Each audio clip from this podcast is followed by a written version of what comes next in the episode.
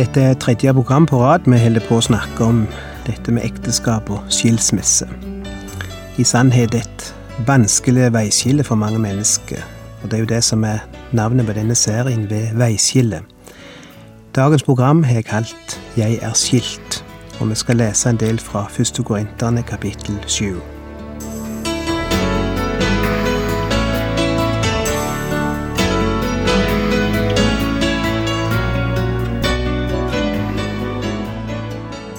Hjertelig velkommen til et nytt program i serien Vindu mot livet. Vindu mot livet er basert på programserien Insight for Living ved Chuck Svindal. Programmet er produsert av Kristen Riksradio og blir ledet av Ola Bjoland.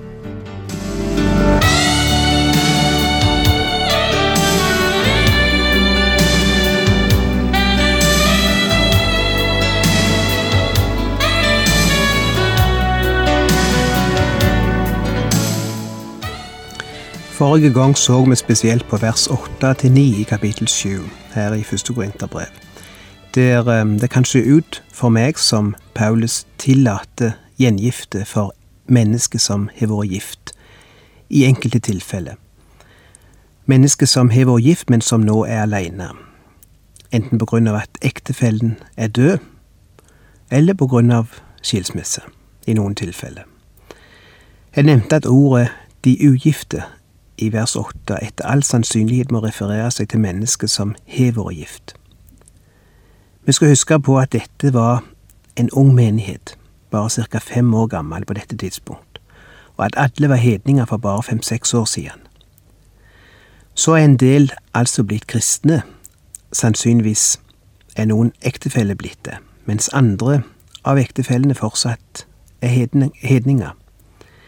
Og da oppstår selvsagt det fenomenet som er vanlig på enhver misjonsmark, at det kan, det kan, bli umulig å fortsette ekteskap hvis den ikke-truende parten velger å motsette seg at den andre er blitt kristen, og forlanger at han eller hun skal fortsette å være med på den hedenske kulten.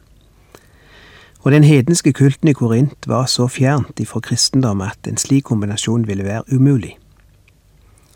Det er ikke vanskelig å forstå at det i slike situasjoner kan oppstå umulige forhold. Paulus aksepterer at noen i menigheten er skilt. Kanskje de allerede var skilt da de kom til tru. I alle fall, det råd han gir de, og som han også gir til enkene, er det samme som han gir rent generelt i vers 1. Og det er at på grunn av de ekstremt vanskelige forhold i Korint, er det bedre å forbli ugift og ikke stifte familie. Eller som han sier i vers 26, på grunn av den nødstid vi lever i, mener jeg det er godt for et menneske at det fortsetter å være ugift. Paulus svarer altså på konkrete spørsmål fra mennesker som er i en helt spesiell livssituasjon. Det skal vi ikke glemme når vi leser dette. Men så kommer innrømmelsen. Hvis det ikke går an å fortsette å leve ugift, sier han. Hvis det blir umulig for de å leve rent i ugift tilstand. Da er det bedre om de gifter seg igjen. Det var den ene gruppa. Så fortsetter han i vers ti å tale til de som er gift, og nå ser det ut som han henvender seg til de truende, altså til par som begge er medlemmer av menigheten. Til dem som er gift, har jeg dette påbudet, ikke fra meg selv, men fra Herren en kvinne skal ikke skille seg fra sin mann. Det er altså regelen. Det er det ideelle. Det var slik Gud hadde tenkt det i forbegynnelsen. Og dette er et bud de truende i Korint kjenner til. Derfor sier Paulus, om dette har jeg et påbud, ikke fra meg sjøl, men fra Herren. Han henviser altså til Herrens eie bud. Og vi kan jo sitere et av Jesus sine bud her, eller uttalelser, slik vi finner det i Matteus 19, vers 3-6. Noen fariseere kom for å sette ham på prøve, og de spurte, har en mann lov til å skille seg fra sin hustru av hvilken som helst grunn? Han svarte, har dere ikke lest at Skaperen fra begynnelsen av skapte dem til mann og kvinne og sa, Derfor skal mannen forlate sin far og sin mor og holde seg til sin hustru, og de to skal være ett. Så er de ikke lenger to, deres liv er ett. Det som altså Gud har sammenføyd, skal mennesker ikke skille. Og vi kan jo ta med fortsettelsen òg, fordi her ser vi det samme som i Paulus sitt brev, at det framsettes et ideal, slik Gud ville det skulle være. Men så kommer det en innrømmelse som er gitt fordi mennesket ikke alltid var i stand til å følge dette idealet. Vers 7-9. De spurte ham, Hvorfor har da Moses bestemt at mannen skal gi hustruen skilsmissebrev, og så kan han skille seg fra henne? Han svarte, Fordi dere har så harde hjerter, ga Moses dere lov å skilles fra hustruen. Men fra begynnelsen av var det ikke slik. Jeg sier dere, den som skiller seg fra sin hustru av noen annen grunn enn hor, og gifter seg med en annen, han begår ekteskapsbrudd. Vi må aldri glemme hva som er Guds opprinnelige vilje og plan. Der var det ikke rom for skilsmisse. Guds tanke var, og er, at det som er sammenføyd av Han, det skal ikke mennesket skilje. Dermed er det helt klart hva Guds vilje er, og hva som er riktig.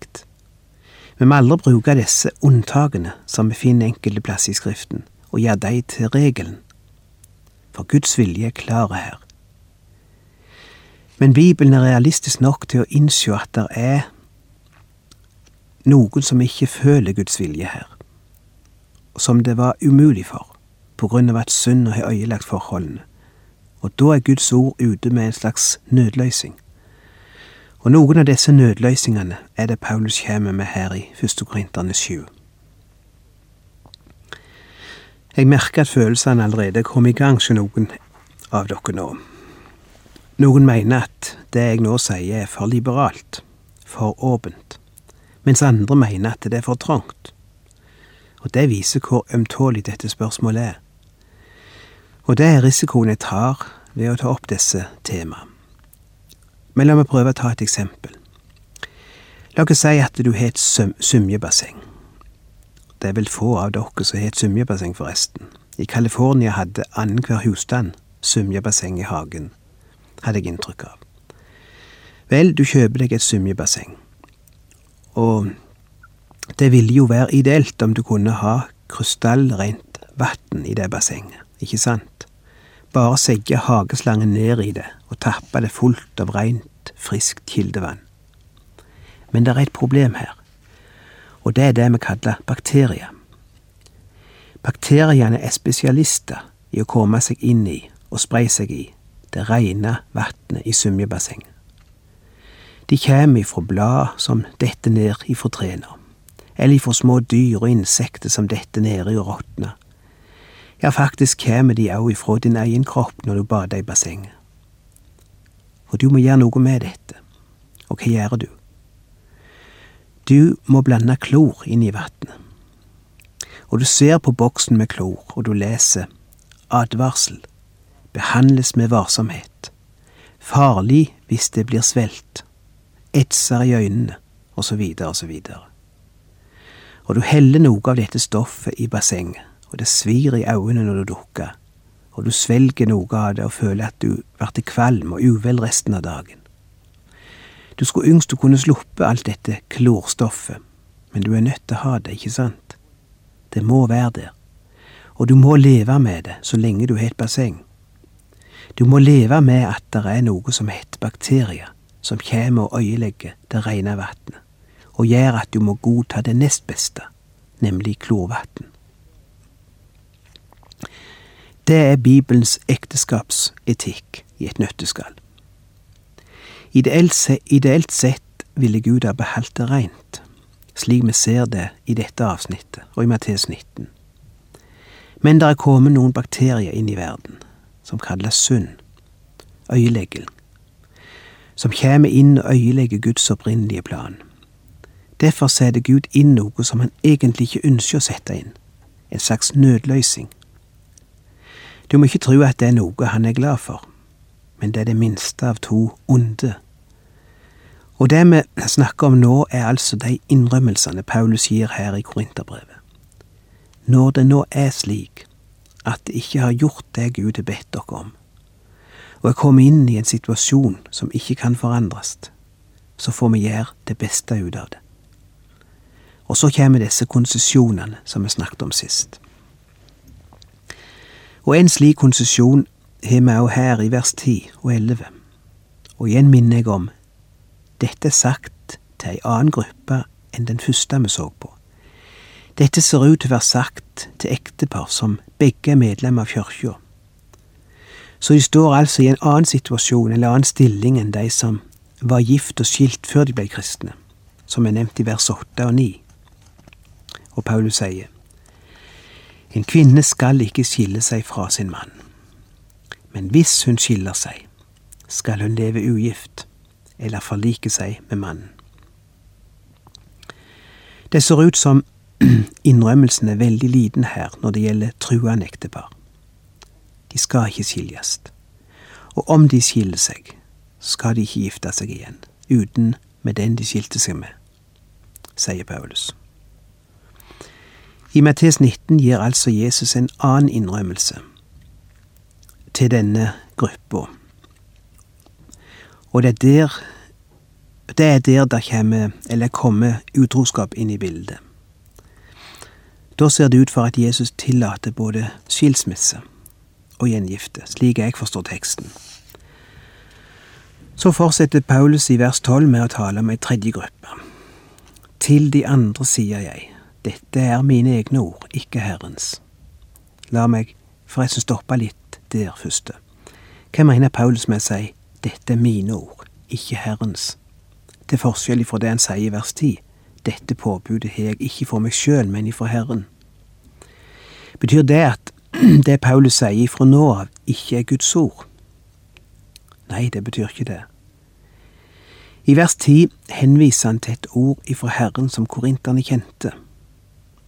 Her i vers 12 har han ikke noe spesielt ord ifra Herren å henvise til, fordi Jesus ganske enkelt ikke har omtalt dette spesielle tilfellet. Iallfall ikke er det kjent. Derfor har Paulus ingen annen autoritet å vise til her enn sin egen. Det betyr ikke at disse ordene ikke er like forpliktende som de andre. Paulus har jo sjøl autoritet til å tale på vegne av Herren. Men altså, i de tilfellene der det foreligger et kjent ord ifra Herren om en sak, i de tilfellene henviser han til det ordet.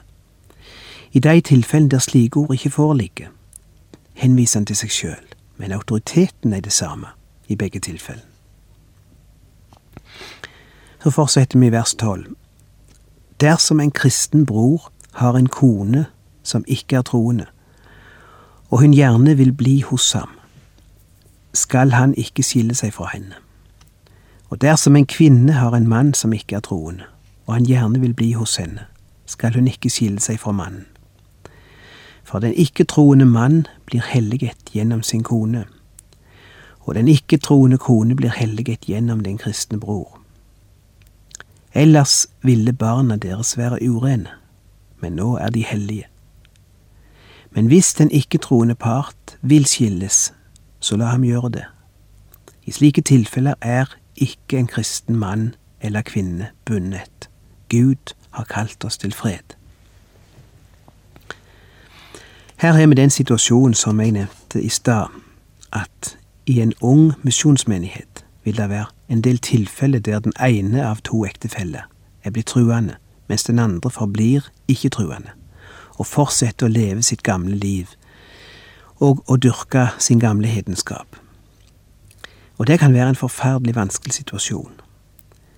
Og antagelig har spørsmålet reist seg, vil ikke et slikt ekteskap bli vanhellig? Vil ikke det å leve sammen med en vanhellig hedning, som dyrker sitt hedenske og sin hedenske og umoralske religion, slik de gjorde det i Korint, vil det ikke være umulig for en kristen å fortsette i en slik forening, i et slikt ekteskap. Vil han ikke komme i samme situasjon som de som er nevnt i vers 15 i kapittel 6, der det står Vet dere ikke at dere er Kristi lemmer? Vil du da ta Kristi lemmer og gjøre dem til en skjøges lemmer. Det må ikke skje. Nei, den kristen skal ikke oppløse ekteskapet, uansett hvor hedensk ektefellen er eller lever, sier Paulus. Den kristne blir ikke vanhelliga ved at hans ektefelle ikke føler han på møtet. Tvert om blir den ikke-kristne part dratt inn under den helliges innflytelse. Og det gir store muligheter for at Gud òg kan nå han. Det samme med barna. Hør hva han sier i vers 16. Vet du, kvinne, om du kan redde din mann? Og vet du, mann, om du kan redde din kone?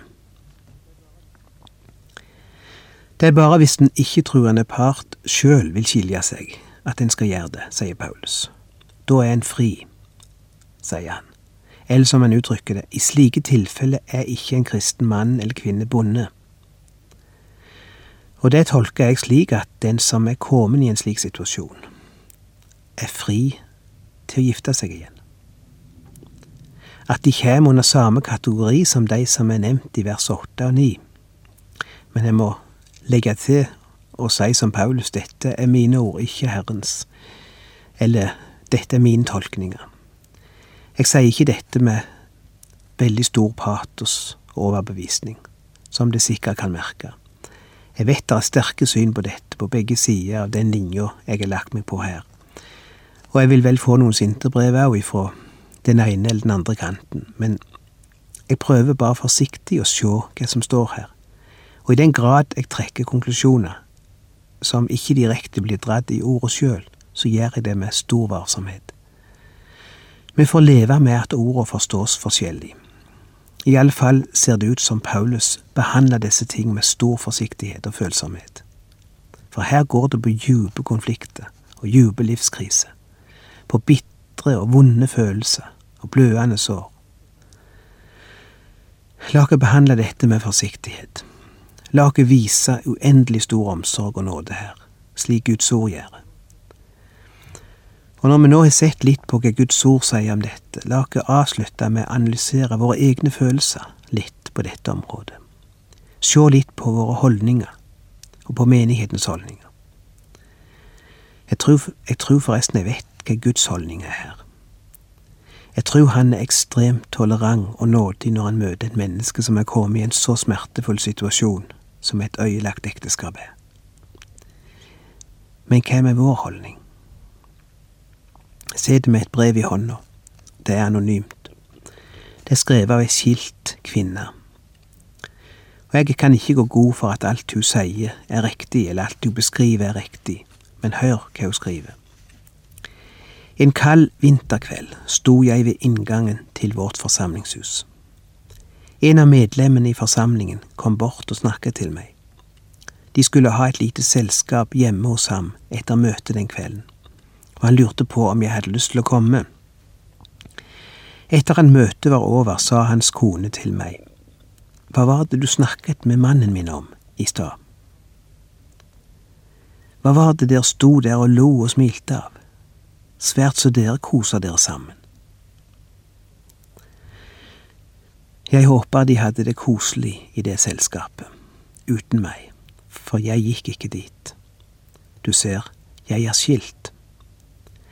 Og det er, i mange kristne forsamlinger, en utilgivelig synd, ser det ut for. Ikke misforstå meg, jeg tar ikke lett på dette med skilsmisse. Jeg har vært gjennom for mye vondt til at jeg skulle ta lett på det. Jeg vet hva Bibelen sier om det, og jeg vet hva den sier om ekteskapets hellighet og ukrenkelighet. Men på det tidspunkt så skilsmisse ut for meg til å være den eneste, eneste løsning for meg. Kanskje jeg gjorde feil. Kanskje jeg kunne fått hjelp hvis jeg hadde funnet de riktige rådgiverne. Kanskje jeg ville klart å holde ut hvis jeg hadde vært sterkere, eller modnere som kristen og at skilsmissen kunne vært unngått. Men nå er jeg skilt, og det er for sent å gjøre noe med det nå. Og likevel opplever jeg at det å tilhøre en evangelisk forsamling fremdeles skaper hvisking og sladder.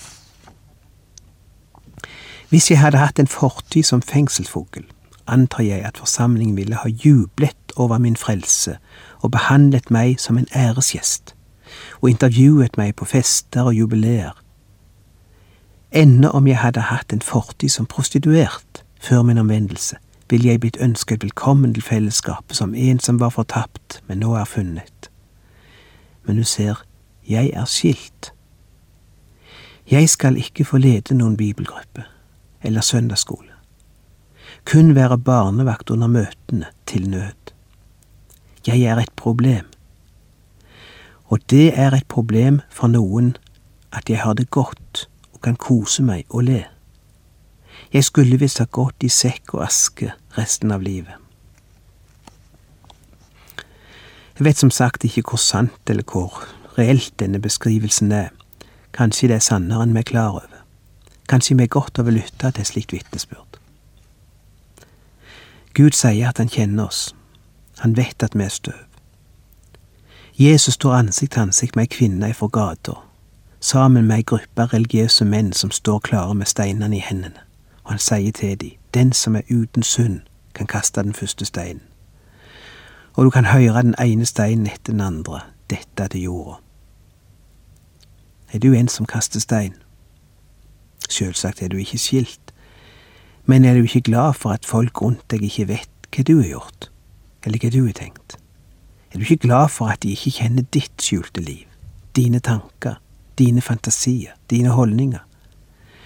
Er du ikke takknemlig for at innsida di aldri er blitt kjent for folk?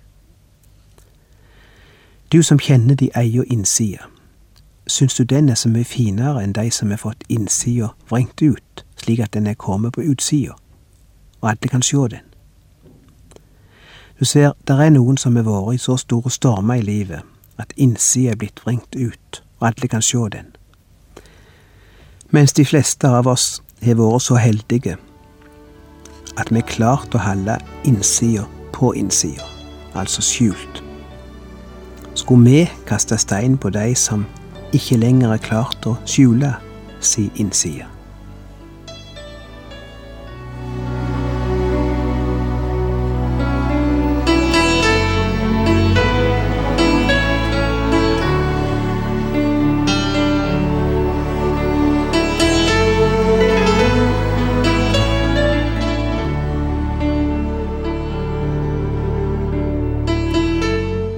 Du har lytta til Ola Bjoland i serien 'Vindu mot livet' fra Kristen Riksradios arkiv. Ola Bjoland var ansatt i Kristen Riksradio inntil han døde i 2002.